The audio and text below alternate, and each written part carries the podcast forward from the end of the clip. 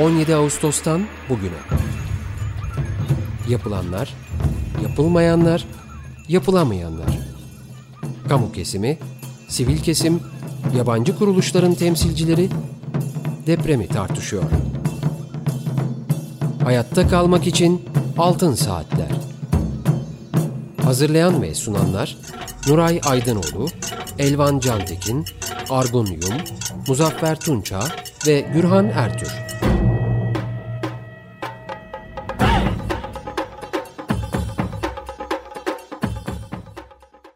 Açık Radyo'da Altın Saatler programını dinleyeceksiniz. Bugünkü programı Mehmet Nuray Aydınoğlu, Argun Yum, Elvan Cantekin, Muzaffer Tunça ve ben Gürhan Ertür birlikte sunacağız.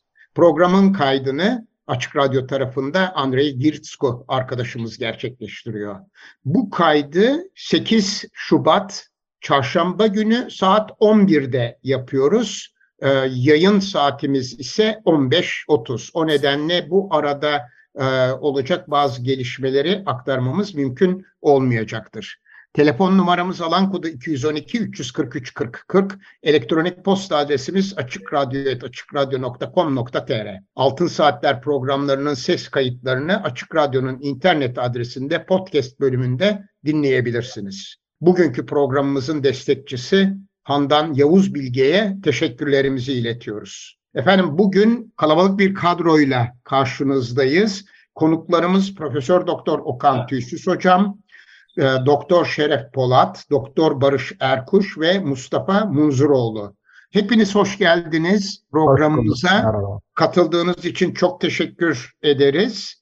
Ee, ve e, çok kısa tanıtayım. Şeref Polat ve Barış Erkuş deprem mühendisleri, Mustafa Munzuroğlu inşaat yüksek mühendisi ve e, Maraşlı olması nedeniyle de e, özellikle belki bölgeden haberler alabileceğiz. Deneyimli bir tasarım mühendisi. Okan Hoca'yı tanıtmama hiç gerek yok. E, Açık Radyo'nun özellikle yer bilimiyle ilgili, bilimleriyle ilgili e, programlarında e, değişmez konuğumuz. Ee, tekrar hoş geldiniz efendim. Tabii ki konumuz Kahramanmaraş'ta gerçekleşen iki deprem. Hemen Okan Hocam size e, sormak istiyorum. Bu son dep e, depremlerde, iki depremde e, kırılan iki fayın özellikleri ve genel olarak Doğu Anadolu fayı hakkında e, neler söyleyebilirsiniz? Kısaca aktarmanız mümkün mü efendim? Elbette.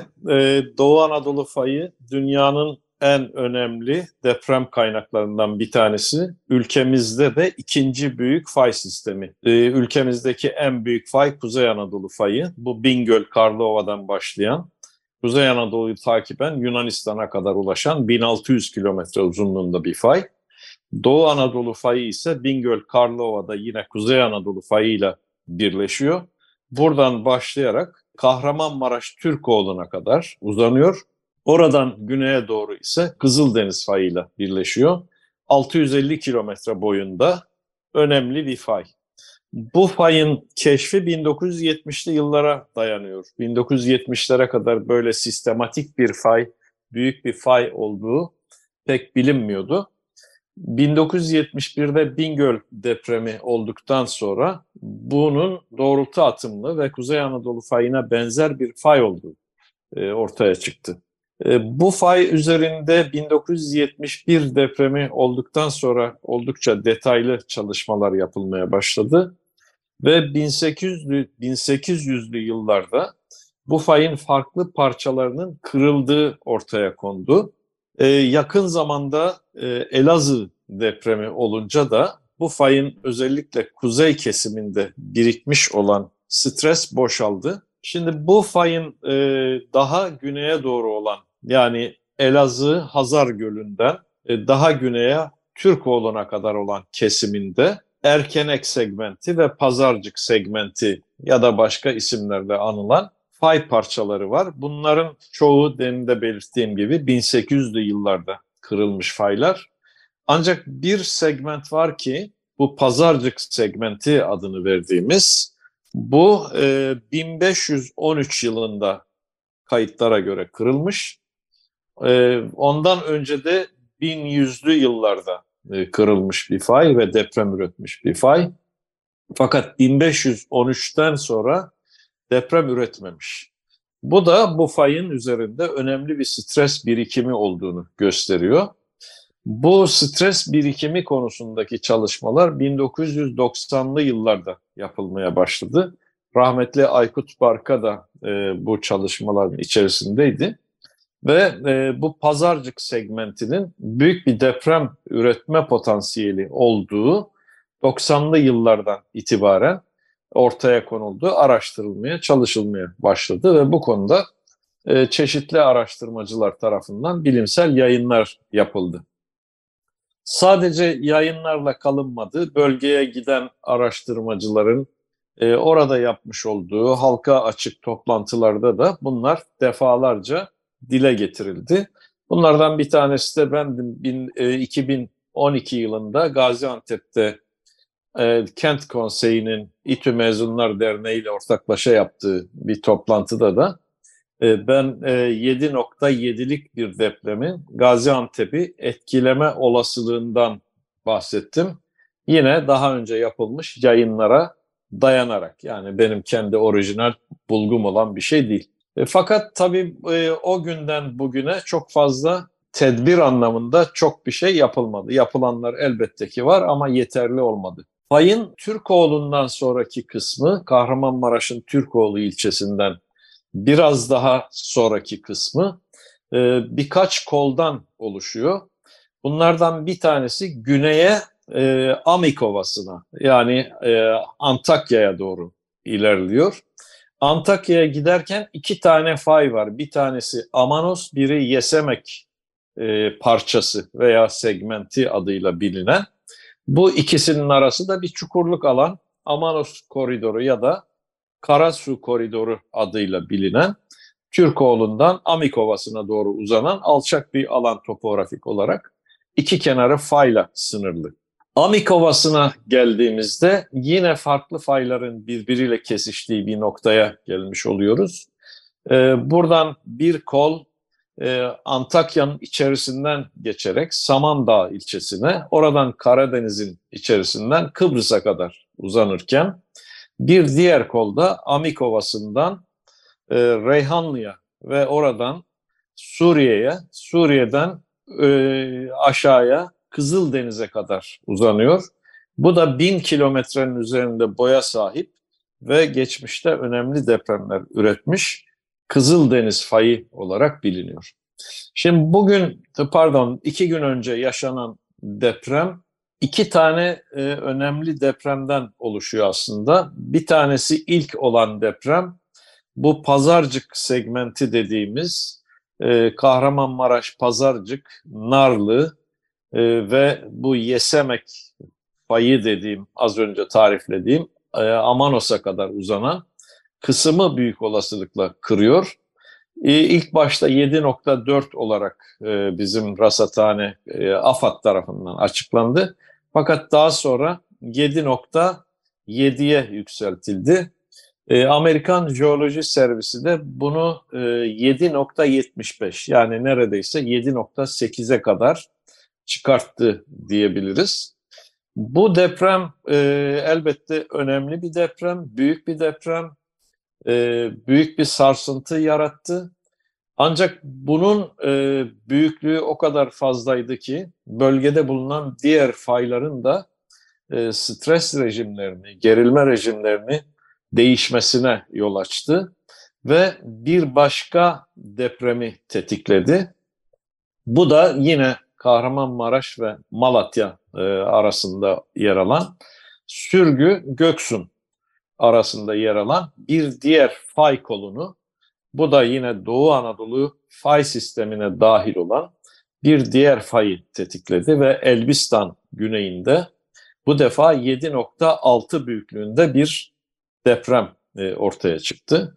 Tabii bu iki deprem bölgedeki e, gerilme rejiminin birikmiş stresin boşalmasına yol açarken belki de diğer segmentleri de etkilediler.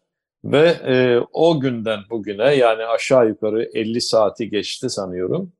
E, bu süre içerisinde çok sayıda artçı deprem gelişti. Bunların bir kısmı belki artçı, bir kısmı ise bu fayın etkilediği başka fayların, daha küçük fayların kırılması sonucu oluşmuş depremler olabilir. Yani tek bir fay, tek bir kırılma değil, kompleks bir e, kırılma rejiminin gerçekleştiğini görüyoruz. Bu iki büyük fayın e, büyük bir enerji yaydığından söz etmiştim. Aşağı yukarı bunları kıyaslayacak olursak e, 8 milyon tonluk bir dinamit patlamasına eşdeğer bir enerji boşalımından bahsedebiliriz. Yine e, eğer Hiroşima'ya atılan bomba e, eşdeğerini düşünecek olursak yaklaşık 600 tane Hiroşima bombası, yaklaşık 450 tane Nagasaki atom bombası eşdeğeri bir enerji boşalmış oldu bu iki depremde. Tabi artçıları da koyacak olursanız bu hayal edilmesi dahi güç bir rakama ulaşıyor.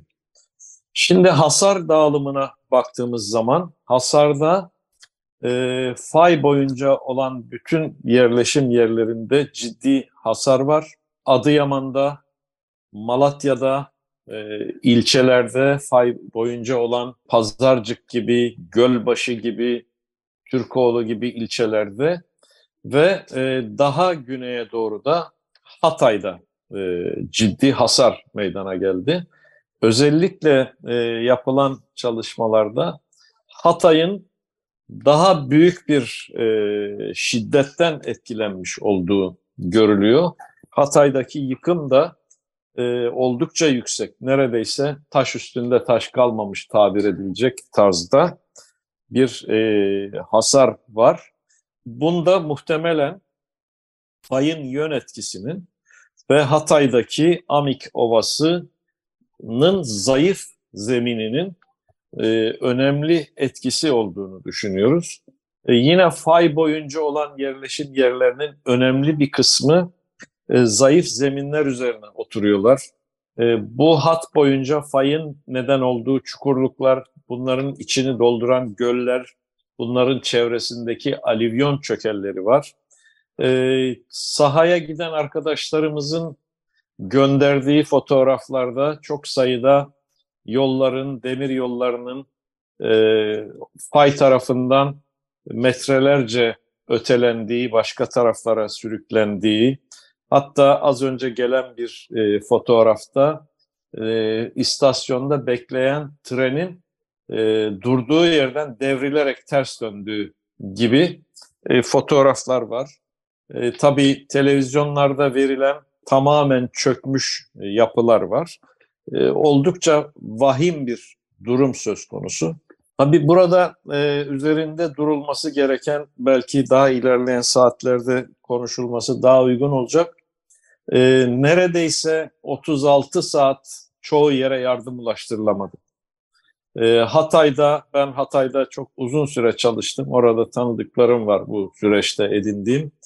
Onlarla yaptığım, güçlükle yaptığım telefon ya da mesajlaşma e, yazışmalarında e, buralara gönüllülerin ya da görevlilerin ulaşamadıkları, ulaşanların yakıt, elektrik gibi e, imkanları bulamadıkları, e, temiz su, yiyecek bulunamadığı, benzeri şekilde iş makinesi olmadığı, insanların kendi elleriyle e, tanıdıklarını, akrabalarını, annelerini, babalarını, çocuklarını çıkartmaya çalıştıklarını ancak iş makinesi olmaksızın bu çalışmaların boşa gittiğini e, söylediler.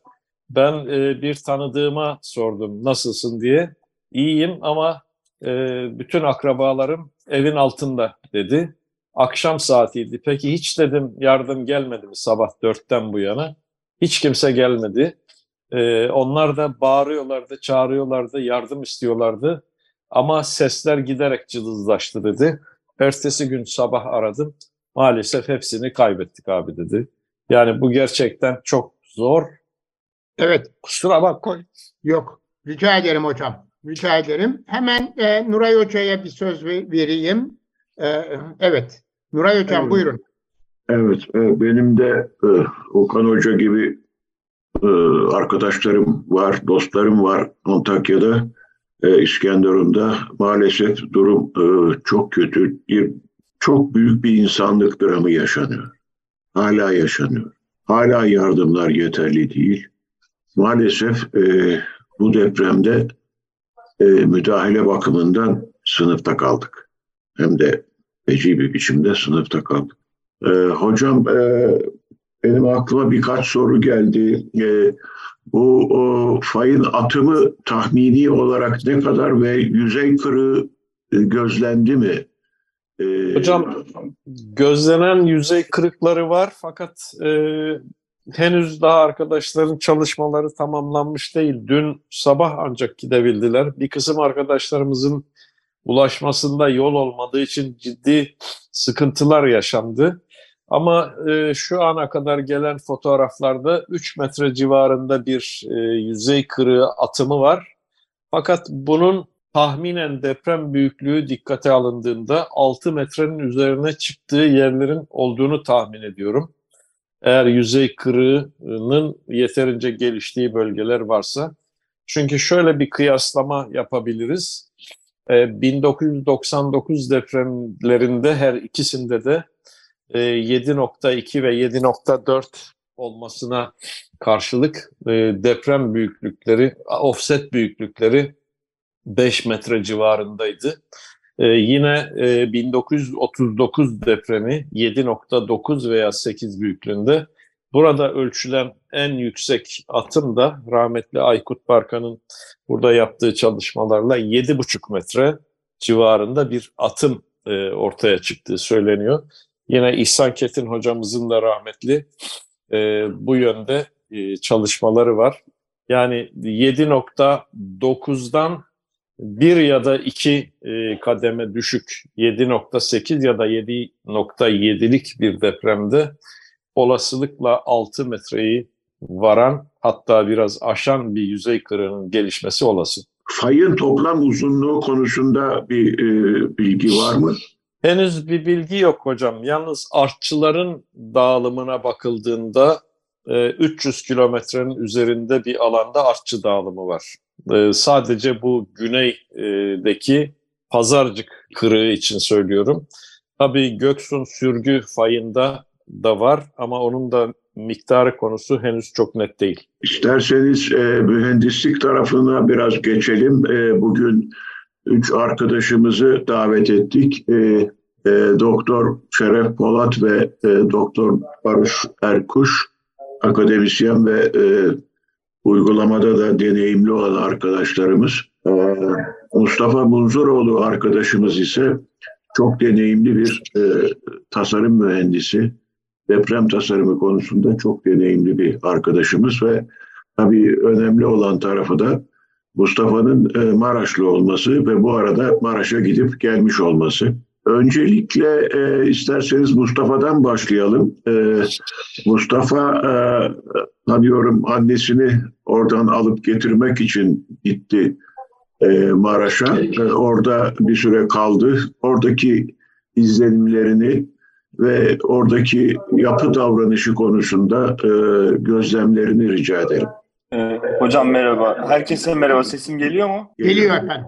Ee, Nuray Hocam'ın söylediği gibi e, dün sabah deprem haberini aldığımda e, benim ailem Maraş'ta iki kesim var. Bir eski Maraş ya da çarşı bölümü, bir de yukarı Yeni Maraş, dağ, dağın etekleri olan yerler. E, yukarı tarafta oturuyordu. Ben anneme ulaştım hemen saat 4.50'de. Sağ salim çıktıklarını söyledi. İşte ben yıkılan bir bina var mı dedim. E, annem şey dedi yeni bölümde işte tek tük var dedi. Böyle bir, hani bir iki bina görüyoruz yıkılan dedi. Ee, sonra ben tabii e, önce bir durumu anlamaya çalıştım. Ulaşabilecek miyim? Adana yolunun e, tamamen kapandığı söylendi. Bu Tarsus, Adana, Gaziantep viyadüklerinin kullanılamaz hale geldiği söylendi. Tabii bilgi kirliliği de çok oldu bu arada. Ee, sonra e, benim başka bir inşaat mühendisi arkadaşım yola çıktı. E, o Kayseri'ye kadar gittikten sonra biz de dedik gidelim. Hani artık e, öncü oldu çünkü. Sonra biz iki arkadaş buradan iki arabayla e, başka bir arkadaşın da ailesini getirmek için e, yola çıktı. çıktık e, Göksu'na kadar gittiğimiz gittik biz Maraş'ın e, kuzey bölgesinden. Bir şey yoktu. Sadece Göksu'nda artık şey başladı. Mesela e, Göksun e, Maraş'ın öteki tarafı olmasına rağmen ve aralar arada çok ciddi bir mesafe olmasına rağmen Göksun'da bile Göksun Maraş yolunda bağlantı tünelleri var.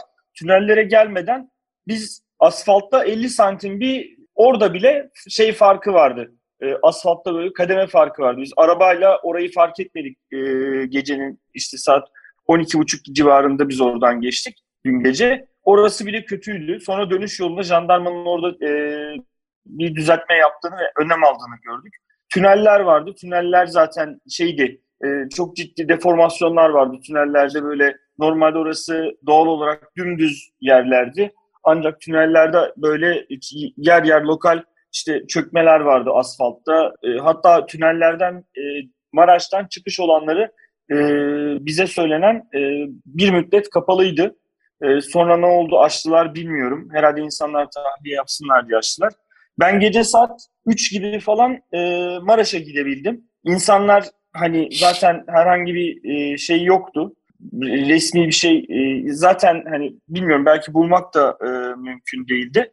E, insanlar genelde Maraş'ın e, açık alanlarına gitmişlerdi. Anneme ulaştım. E, annemi sağlam aldım. Bu arada gitmeden önce de ulaşabildiğim arkadaşlarıma ne istediklerini sordum. Hani bakın ben geliyorum bir şey ihtiyacınız var mı? Oradan kime sorsam dediler ki yakıt getir. Çünkü arabalardayız. Benzinimiz bitiyor. Benzin getir, mazot getir. Kayseri'den ya da İstanbul'dan bir kısmını İstanbul'dan bir kısmını Kayseri'den işte ufak tefek erzak aldık arabaları doldurabildiğimiz kadarıyla. Benzin aldık onlar için. Hocam sonra sabah saat 8 gibi gün aydınlanmaya başladı ve artık hani bir e, şey ufak anla, anlamaya başladık yani ben anlamaya başladım olayın ne olduğunu. Çünkü e, kendi evimizin olduğu yere gittim.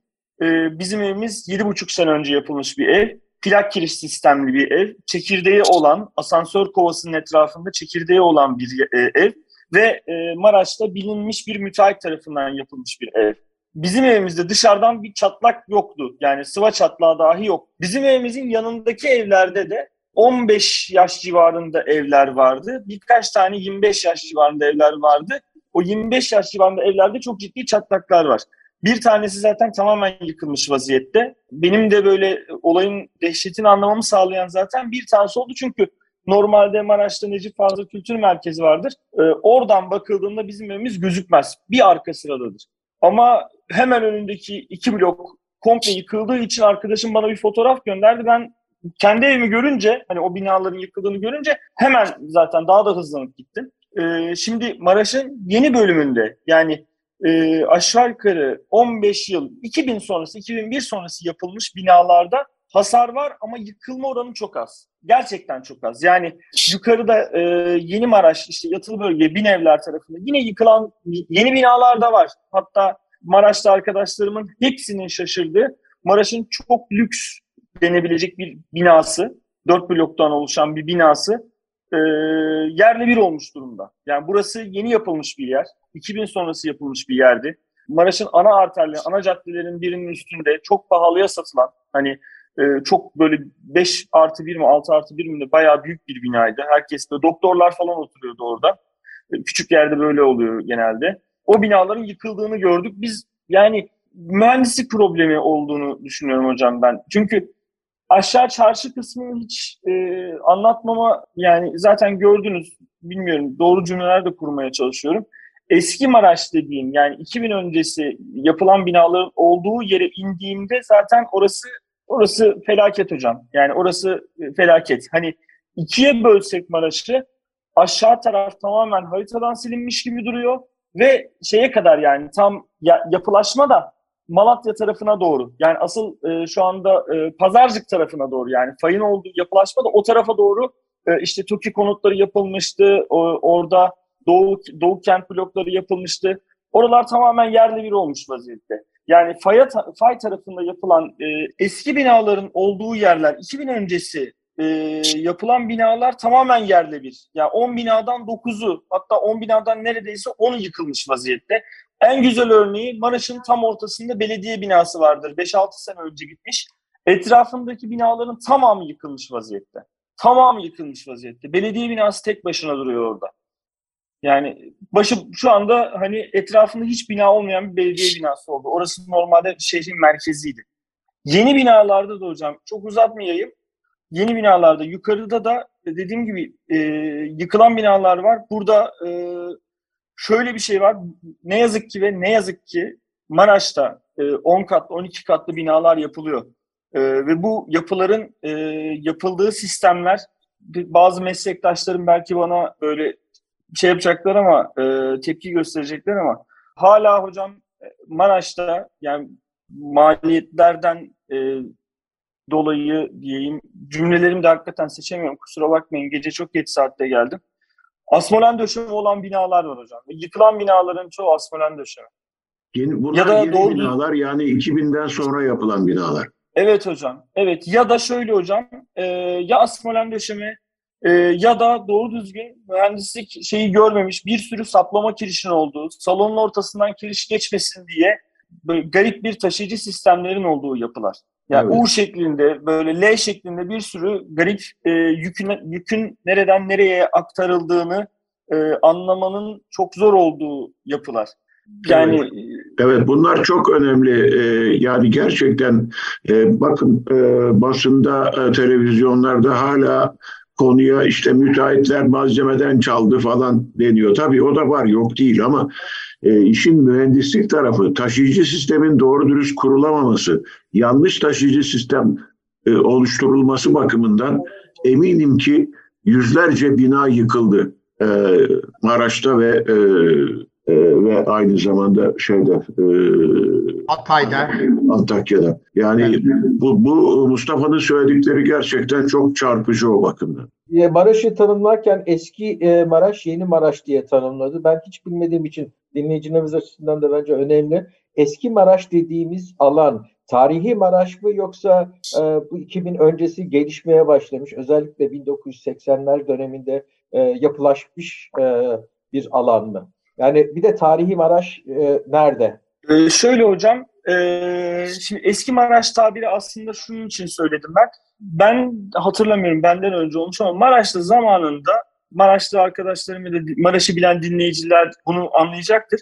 Maraş'ta zamanında yine büyük bir deprem olmuş ve yine e, Malatya yolu tarafında yani Maraş Ovası'nın doğusunda oradaki yerleşim bölümünde çok ciddi binalar yıkılmış. Hatta oraya eskiler Karamaraş derler o yıkımdan dolayı. Sonrasında afet evleri yapılmış.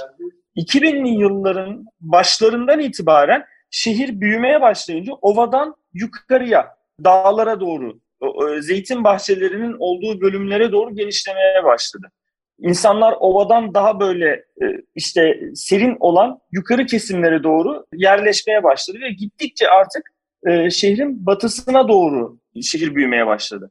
E, eski Maraş'tan kastım az önce söylediğiniz gibi 2000 öncesi yapılmış işte e, 60'lı yıllardan itibaren 60'lı yıllardan 2000'li yıllara kadar. Tabii yeni binalar da var orada. E, şehrin ortasında yeni yapılan binalar da var ve çok ciddi hasarlar görmüş. Çünkü orası Maraş Ovası'nın e, ya Ahır Dağı vardır e, Maraş'ın hemen e, yanı başında. Onun eteği olan Maraş Ovası'nın başlangıcı olan yerdir. Hani eski Maraş diye tabir ettirdiğim yer. Mustafa, Benim çocukluğumun da geçtiği yerdir eski Mustafa eski Maraş'ta o zaman zemin etkisi e, önemli olmuş olabilir diyebilir miyiz? Hocam diyebiliriz çünkü ben çocukluğumdan hatırlıyorum. Benim e, bizim e, çarşı dediğimiz e, eski Maraş diye tabir ettiğim yer benim. Yani eski Maraş dediğim tarihi olarak düşünmeyin lütfen. E, benim çocukluğumun geçtiği yani 20 yıl öncesinde e, benim ailemin de yaşadığı e, yer e, ben hatırlıyorum 90'lı yıllarda bizim evimizden 200-250 metre ilerisinde artık marul tarlaları, patlıcan tarlaları e, başlıyordu. Yani evet. orası tarım arazisiydi hocam. Hani e, ancak zamanla e, şeye doğru hani o tam ovanın kendisine doğru ta, e, o tarlaların hepsi inşaata dönmeye başladı. Yani dediğiniz e, büyük yüzde yüz doğrudur çünkü orası gerçekten dediğim gibi daha önceden internetten araştırırsanız daha önceden benzer bir deprem hani e, bu, bu büyüklükte değil ama yaşanmış ve binalar yıkılmış. Eski insanlar, yaşlılar Karamaraş olarak hani o e, şehrin doğusunu nitelendiriyorlardı. Nuray evet. Hocam ben hemen e, bir şey söylemek istiyorum. Şimdi e, bugüne kadar hep 99 sonrası binaların e, sağlam olduğuna dair e, açıklamalara e, Altın Saatler programında e, sürekli itiraz ettik ve e, bunun e, somut bir şeyi de temeli olmadığını ifade ettik ama son deprem özellikle e, 2000 sonrası yapılmış olan hem kamu binalarında hem de özel binalarda e, ciddi hasarlar, çöküntüler, yıkıntılar olduğunu gösteriyor. Bu da önümüzdeki dönemde sanıyorum e, bütün Türkiye e, açısından e, değerlendirilmesi gereken önemli bir konu olarak önümüzde duracak e, diye düşünüyorum. Evet çok haklısınız. Biz bu konuya e, yani bu tür bir e, gerçelleme olmadan yani e, bir verifikasyon olmadan e, e, zaten e, böyle bir sonuca varıyoruz mühendisler olarak. Çünkü e, proje hataları çok ciddi. Biraz önce Mustafa'nın bahsettiği gibi çok kötü taşıyıcı sistemler yapılıyor. Proje e, yapım yapım süreci konusunda 6 saatler programında defaatle konuştuk. E, hala da konuşmaya devam ediyoruz. Bu e, bundan sonra da konuşacağız herhalde. Mutlaka çünkü proje hataları, sistem hataları, tabii inşaat hataları, denetim hataları hepsi var bunların. Ama e, 2000 sonrası bütün yapılar iyidir diye böyle a priori kabulün yanlış olabileceğini zaten düşünüyorduk. E şimdi bu maalesef e, bu örnekler haklı olduğumuzu çıkardı. Umarız tabii bu binalar azdır e, ama yine de önemli olduğunu tahmin ediyoruz. Şimdi e, izin verirseniz diğer arkadaşlarımıza da zamanımız azalıyor söz Tabii. verelim. Ben müsaade isteyebilir miyim acaba? Okan. Hocam çok teşekkür ederiz. Sağ olun. Ben teşekkür ediyorum. Hepimize büyük geçmiş olsun. Başsağlığı dileklerimi sunuyorum. Hepimize geçmiş olsun hocam. Ee, Önümüzdeki programlarda da danışacağımız hususlar olacaktır mutlaka. Evet. Katıldığınız Peki. için çok teşekkürler. Hoşça kalın. Çok teşekkürler hocam. İyi günler. Kolay gelsin hocam. Sağ olun. Teşekkür ederiz. Evet, e, şimdi e, Şeref Polat arkadaşımıza e, geçelim uygun görürseniz. E, Şeref e, gerek Mara, Kahramanmaraş'ta gerekse Antakya'da, Hatay'da e, AFAD tarafından yerleştirilen ivme ölçerlerden alınan kay- kayıtları e, derledi top ve değerlendirdi. E, gerçekten çok ilginç e, sonuçlara vardı.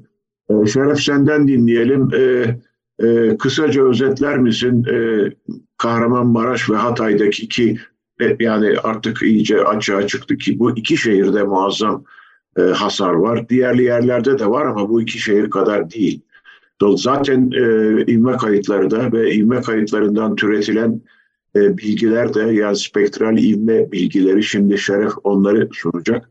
E, gerçekten çok farklı. Evet Şeref seni dinleyelim. Şimdi hocam bu ivme kayıtlarını AFAD'dan çıkan incelediğimiz zaman size de gösterdiydim. Kahramanmaraş'taki ve Hatay'daki kayıtlar hakikaten olağanüstü yüksek ivmeler. Yani baktığınızda 10-15 katlı yapılar var gördüğüm kadarıyla o bölgede çoğunlukla. Bu tür yapılar için bizim yönetmelikte düşündüğümüzün de üzerinde ivmeler olduğu kesin. Ee, bu tabii e, Kahramanmaraş'ın ve Hatay'ın niye bu kadar harap olduğunu da aslında kayıtlar açıklıyor. Bir de işin tabii daha da ilginç tarafı bizim bu aldığımız kayıtlar nispeten daha rigid e, zeminler üzerinde alınmış kayıtlar. Yani C tipi zemin dediğimiz hani çok da kötü olmayan zeminler üzerindeki kayıtlardaki ivme değerleri ki yani o tür bir zemin için çok yüksek. Ben buradan yola çıkarak zaten daha kötü zeminlerdeki halin çok daha kötü olduğunu tahmin edebiliyorum siz de büyük bir ihtimalle. Yani ivme değerlerinden yola çıkarsak hasarın özellikle yani 2000 öncesi binaların ayakta kalması hakikaten çok çok zor. 2000 sonrası binalar içinde yani konuştuğumuz gibi tasarımı düzgün yapılmamış binalarda yıkılma bence fevkalade normal çünkü malum e, Mustafa Bey'in de bahsettiği bu asmolen türü yapılar bizim çok uzun zamandır bir baş ağrımız. Hatta e, ben sizden dinlediydim hatırlıyorum. 67'deki Adapazarı depreminden sonra bu asmolen yapı sistemi Türkiye'de 75 yönetmeliğine kadar yasaklanıyor bildiğim kadarıyla. gene yani benzer bir şeye gitmek gerekebilir diye düşünüyorum. Bir kere onu bir şey yapayım. Hatay'a baktığınızda Hatay şeyden daha da kötü maalesef. Kayıt açısından baktığınızda Adapazarı, Adapazarı diyorum özür dilerim. Maraş. Kahramanmaraş'tan çok daha kötü. Yani değerler aşırı yüksek. Ee, gene üstüne üstlük e, Hatay'ın yani Hatay demeyeyim Antakya ili için konuşayım. Antakya ilinin içinde dört tane kayıt alınmış durumda direkt il merkezinde. Dördü de çok yüksek. Dördü de gene nicelik olarak e, rigid zemin sayılabilecek zeminlerde yani C tipi zeminlerde. Buna rağmen yani bizim orada kabul ettiğimiz olabilecek en büyük deprem değerlerinin bile e, civarında gezinen veya üstüne çıkan değerler var. Açıkçası bu deprem hakikaten yani birçok konuda kendimizi sorgulamamız gerektiğini, özellikle bu tasarım konularında daha dikkatli olmamız gerektiğini bence gösteriyor. Ben e, tabii videolardan, televizyonda gözlemleyebildiğim kadarıyla Mustafa Bey'in söylediklerine konfirme edecek şekilde e, bazı yapılarda yani döşemelerin yeterli olarak yükleri perdelere aktaramadığını gösterecek e, resimler gördüm. Yani mesela yarısı yıkılmış bir binada e, merdiven kovasının çevresinde herhangi bir bağlayıcılığı olmadığını görebiliyorum döşemenin oradaki perde sistemiyle. Veya benzeri bir şekilde gene yıkılmış bir binada asansör perdesinin ayakta durduğu ama binanın geri kalanının yıkıldığı bir örnek de var. Evet bu resimleri bizimle de paylaştın. Gerçekten bunlar hakikaten 2018 yönetmeliğinde aslında çok ciddi bir biçimde vurgulanan döşeme dayanımı ve döşemenin diyafram etkisinin e, nedenli bu, bu örneklerde eksik olduğunu gösteren çok tipik örnekler. Gerçekten sen onları resimlerden ve fotoğraflardan iyi yakalamışsın. E, tabii pek o enkaz temizlenmeden e, en kısa zamanda herhalde siz de e, ekip olarak gitmeyi düşünüyorsunuz. Bunları yerinde belgelemek çok önemli olacak sanıyorum. Evet. Evet yani bence de çok önemli hocam. Evet. Yani burada Barış Bey'e de istiyorsanız. Evet, şey Barış'a geçelim. Zamanımız azalıyor. Ee, Barış senin e, izlenimlerini alalım. Ee, öncelikle gene e, ben de e, e, geçmiş olsun diyorum. E, herkese büyük bir felaket. Şimdi ben tabii vakit de biraz dar olduğu için üç ana başlıkta bir değerlendirme yapmak istiyorum. Benim burada ilk hissettiğim, ilk düşündüğüm, ilk ne, diyelim yani aklıma gelen sanki 1999 depreminde yaptığımız saha ziyaretlerinde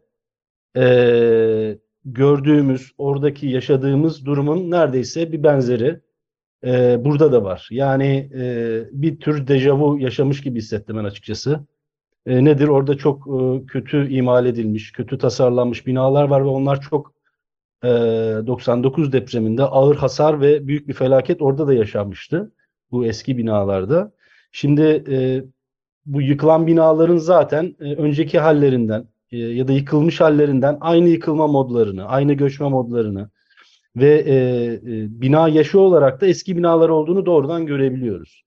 E, yani bu Şeref Bey'in de dediği gibi e, yani bu binaların bu deprem seviyelerinde zaten yıkılması gayet normal. E, bu işin içerisinde olan insanlar olarak bunu anormal karşılamıyoruz. E, peki neden büyük bir felaket oldu? Z zamanında işte 99 depreminden sonra bu tip aktif deprem bölgelerinde e, kötü yapı stoğu olan e, e, özellikle bölgelerde bu yapı stoğunun peyderpey güncellenmesi lazım. Depreme dayanıklı yapılarla, e, yeni yapılarla güncellenmesi lazım. Bu yapılmamış. Bu belli. E, artık belli nedenlerden dolayı, bazı nedenlerden dolayı ve e, bu ağır deprem e, e seviyelerinde e, bu binaların e, yıkılması ve büyük kayıpların yaşanması e, bize normal geliyor ama e, burada herhalde vurgulanması gereken 20 ee, yıl içerisinde 99'dan sonra 25 yıl, 24 e, yıl herhalde geçmiş. Ee, yani aynı hatalar, aynı hataya düşmüş olmak üzücü. Ee, yani aynı hataları, aynı e, e, ne diyelim, ya bu benzer felaketi yaşamak çok çok üzücü. Bu insanı gerçekten kahrediyor. Bu ilk değerlendirmem. İkincisi Nuray Hocam'ın burada vurguladığı, Mustafa Bey'in vurguladığı e, inşaat e, e, yapılarının, bina yapılarının, e, projelerinin önemi. Şimdi e, bina dediğimiz aslında bunun tasarlanması, e, imalatı, uygulanması ve hizmete geçmesi aslında bir e, bir zincirleme, bir süreç. E, nereden başlıyor? Zemin etüdünden başlıyor. Daha sonra bunun işte projelendirilmesi yapılıyor. Daha sonra e, üretilen projenin sahada e, saha mühendisleriyle e, imalatı, uygulanması. Şimdi e, biz eğer e, bu zincir içerisinde e, belki bir tane zincir halkasında bir hata yaparsak belki büyük bir e, e, çok büyük bir bir problem olacaktır ama çok büyük bir belki bir problem olmayacaktır. Ama tüm halkalarda bir e, e, problem, e, bir hatalı bir şey yaparsak, e, olması gerekeni yapamazsak, e, bu şu anda yaşadığımız e, felaket durumunu yaşıyor olacağız. Şimdi e, bu halkanın, bu zincirin ilk başlangıç noktası projelendirme. Yani uygulamadan önce projelendirme. Projelendirme neden önemli? Statik proje olarak adlandırdığımız proje, depreme dayanıklı yapı tasarım projelendirmesi neden önemli?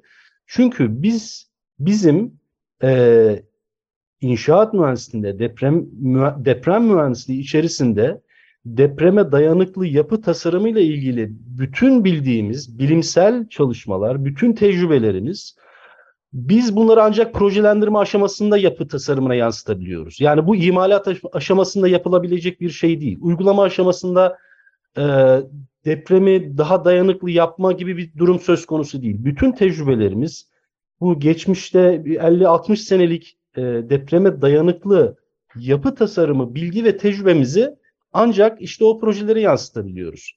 İmalat dediğimiz e, hazırlanmış projenin sahada verilen bir süre içerisinde ve verilen bir bütçe içerisinde e, imal edilmesidir. Şantiye şefinin, şantiye mühendisinin, işçilerin görevi odur. Onlar saha e, uygulama sırasında acaba şu detay mı daha güvenli, bu detay mı daha güvenli diye düşünmez. Onlar onlara verilen projeyi uygularlar.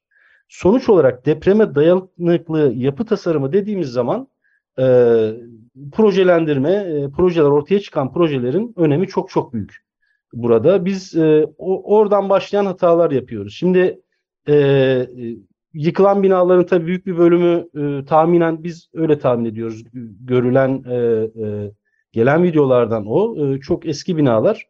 E, hadi bunları belki anladık ama yeni binalarda da e, yıkılan binalar olduğunu gözlemliyoruz. Demek ki e, hala bu projelendirme aşamasında, belki uygulama aşamasında ciddi problemlerimiz var. E, bu noktada e, yine bu programda tahmin ediyorum çok önceden de tartışılmıştır. Özellikle projelendirme noktasındaki eksiklikleri tekrar değerlendirmemiz e, burada gerekiyor. E, üçüncü değerlendirmem, üçüncü konu başlığı burada benim e, düşündüğüm.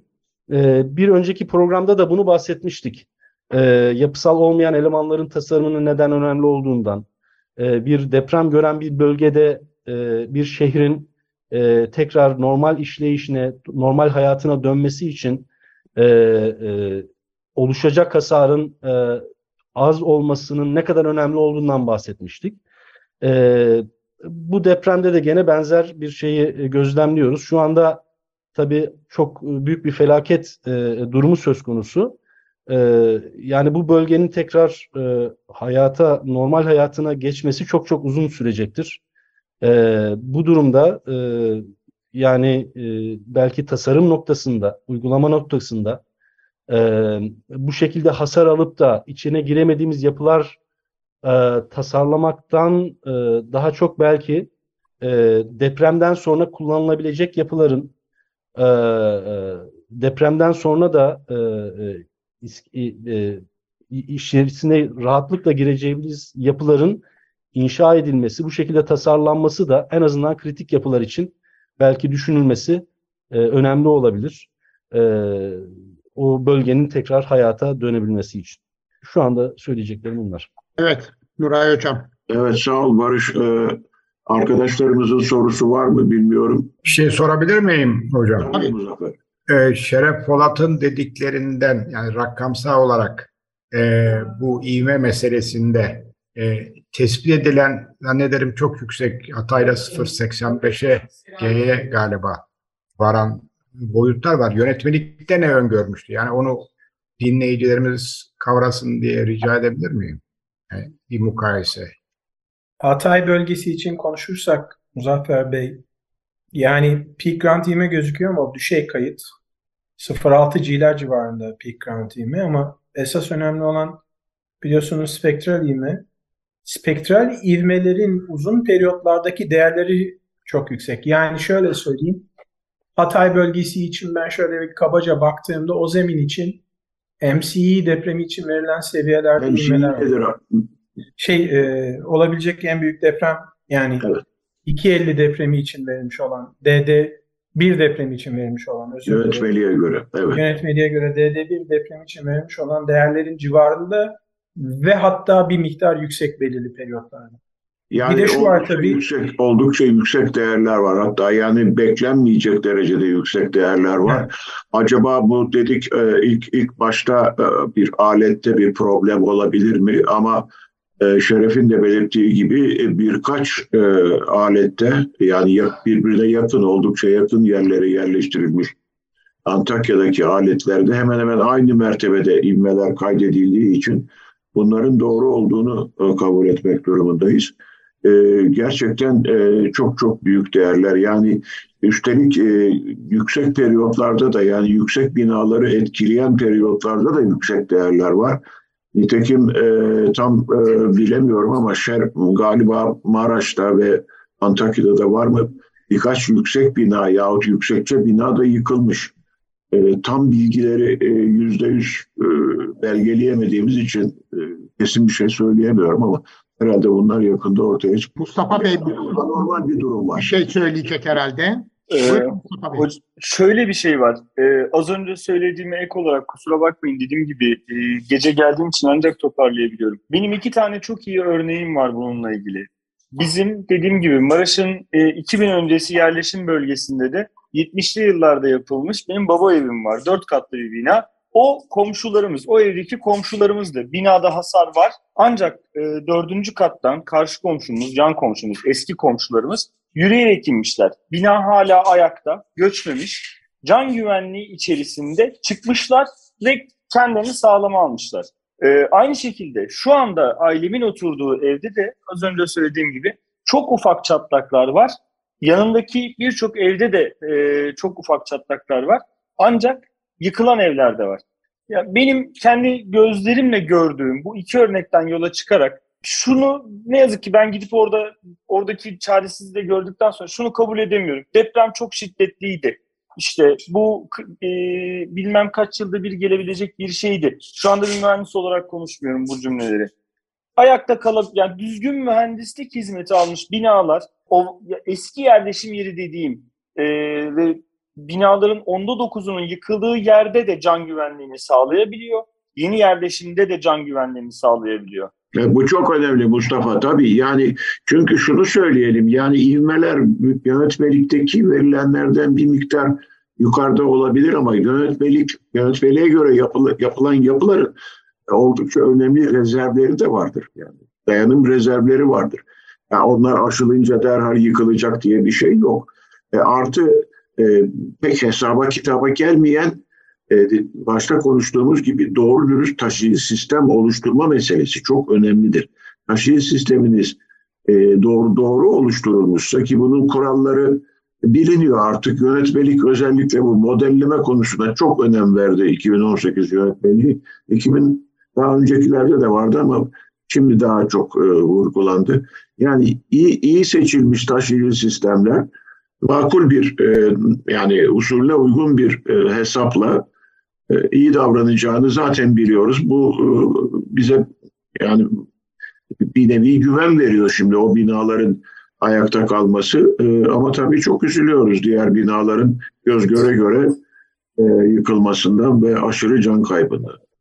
Hocam Elvan'ın- bir şey daha ilave edeceğim. Çok özür dilerim. Nuray Hocam'la da beraber olduğumuz toplantılarda 2018 yönetmeliği yapılırken e, Türkiye'deki yapı stoğunun aslında işte yeni yönetmelikle ilgili hocam müsaadenizle şöyle tartışmalar vardı. İşte bu yönetmelik çok ağır. e, nitelikli binalar için e, işte e, Anadolu'daki yapı stoğu böyle değil. Anadolu'daki yapılarda biz bu yönetmeliği uygularsak çok ağır şeyler olur.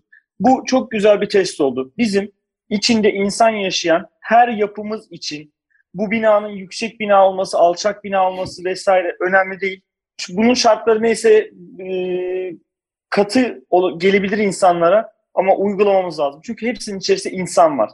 Ee, bu tar Maraş'ta ben bunu o tartışma gözümün önüne geldi hocam. Çünkü o tartışmalarda söylenilen evlerin hemen hemen çoğu ya hasar görmüş ya da yıkılmıştı. Evet, Mustafa aynı şey 97 yönetmeliğinde de oldu. 99 yönetmeliğinden sonra 97 yönetmeliğinin e, fazileti anlaşıldı.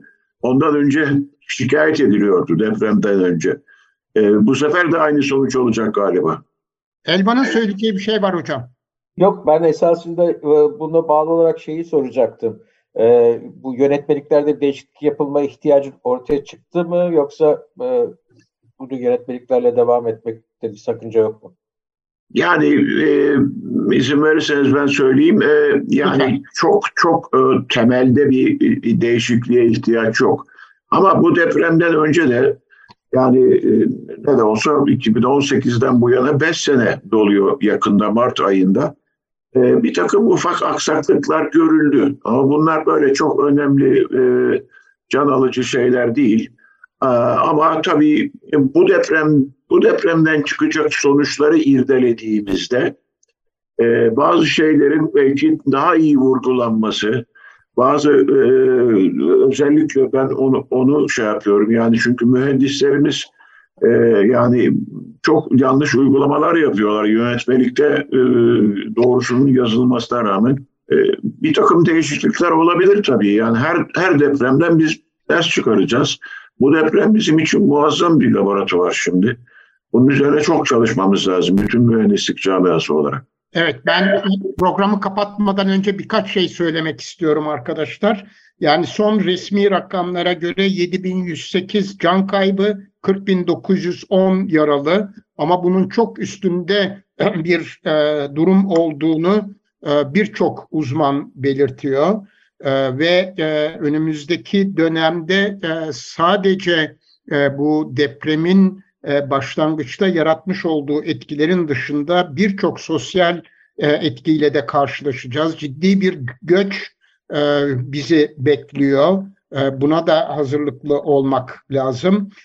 Değerli dostumuz, programcımız Beysun Gökçin 11 Şubat Cumartesi günü saat 13'te yayınlanacak olan Açık Deniz programını Altın Saatler programına ayırdı. Kendisine çok teşekkür ediyoruz. Yani böylelikle bu hafta e, iki program ile e, dinleyicilerimize seslenme imkanını bulacağız. Özellikle sivil toplumun bölgede gerçekleştirmekte olduğu çalışmalara yer vermek istiyoruz. Konuşulacak çok konu var. Özellikle Türkiye'deki e, siyasi merkezileşmenin, e, yönetim merkezileşmesinin çok acılı sonuçlarını yaşıyoruz. Önümüzdeki e, programlarda bunlar üzerinde de durmaya çalışacağız ve e, programı burada bitirmek zorundayız. Süremizi doldurduk. E, sizlere çok teşekkür ederiz Mustafa Bey, Şeref Bey ve Barış, Barış Bey. Arkadaşlar sizlere de çok teşekkürler. Cumartesi günü yeni bir Altın Saatler programında saat 13'te görüşmek dileğiyle diyelim ve programımızı burada tamamlayalım. Hoşçakalın. Teşekkür ederim.